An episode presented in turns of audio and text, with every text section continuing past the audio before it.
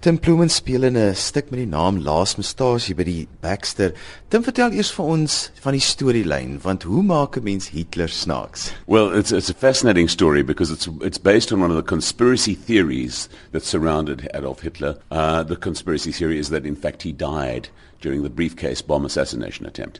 So, what in fact this play is is this last Hitler double playing the part of Hitler. He's been forced to play by Goebbels you know, under the under the gun kind of idea, and uh, it, it, takes place inside the bunker on the last day of the war. And all of his humor, all of these things that kept this, this guy, Heiner Schmidt, going, comes bubbling out. And he's trying to tell people his story, which gets very funny and very touching. It's very moving as well. Tel bietjie vir van jou reis met hierdie stuk. Uh, it began with Greg Viljoen, um, who's a wonderful young author in Joburg, who, who, brought the piece to me, asked me if I'd be interested. We were, in fact, doing uh, working on a television thing at the time, and I read it and was absolutely astounded by how the quality of the writing. You know, something that we must never underestimate about South Africans is that we produce world-class writing theatre. These we've got world-class people, and he brought me this incredible piece that I read, and I thought it needed some work in bits and places.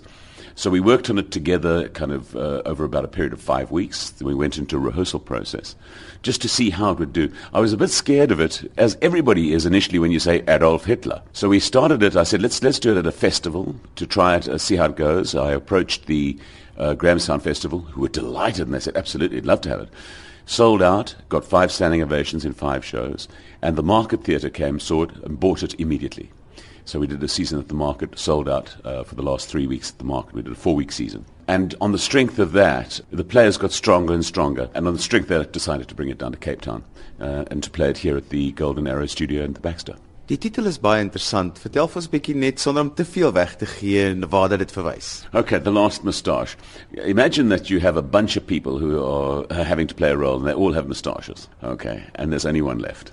Dit is nogal gepas want dit is November maand so en ek het nou gesien gestaan by die opening was dit ook een van die temas. Absolutely. I'm I'm a big supporter of of November and men's health. I I um I'm a great believer in this whole thing and I really thought that this would be the perfect opportunity for this play which describes a heck of a lot about the human condition as well as male psyche. Of course, it isn't dealing with male health, but uh, for me, the whole Movember link up with the last moustache and all that seemed to be a synergy that was worth following through on.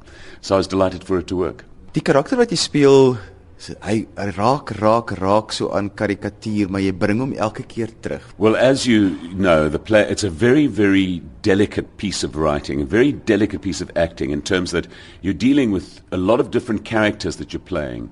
And at the heart of them all, uh, and somebody actually pointed this out to me and said, what is fascinating about the play is that it's an actor playing an actor playing Hitler. And the actor has got these eccentricities and this largesse and a theatricality that he likes to bring out and show, uh, which counterparts against the absolute starkness and fear of Hitler. And so to point up certain characters, it's important that you play the fool with certain other characters. So by making the fool, you bring out the reality in the other.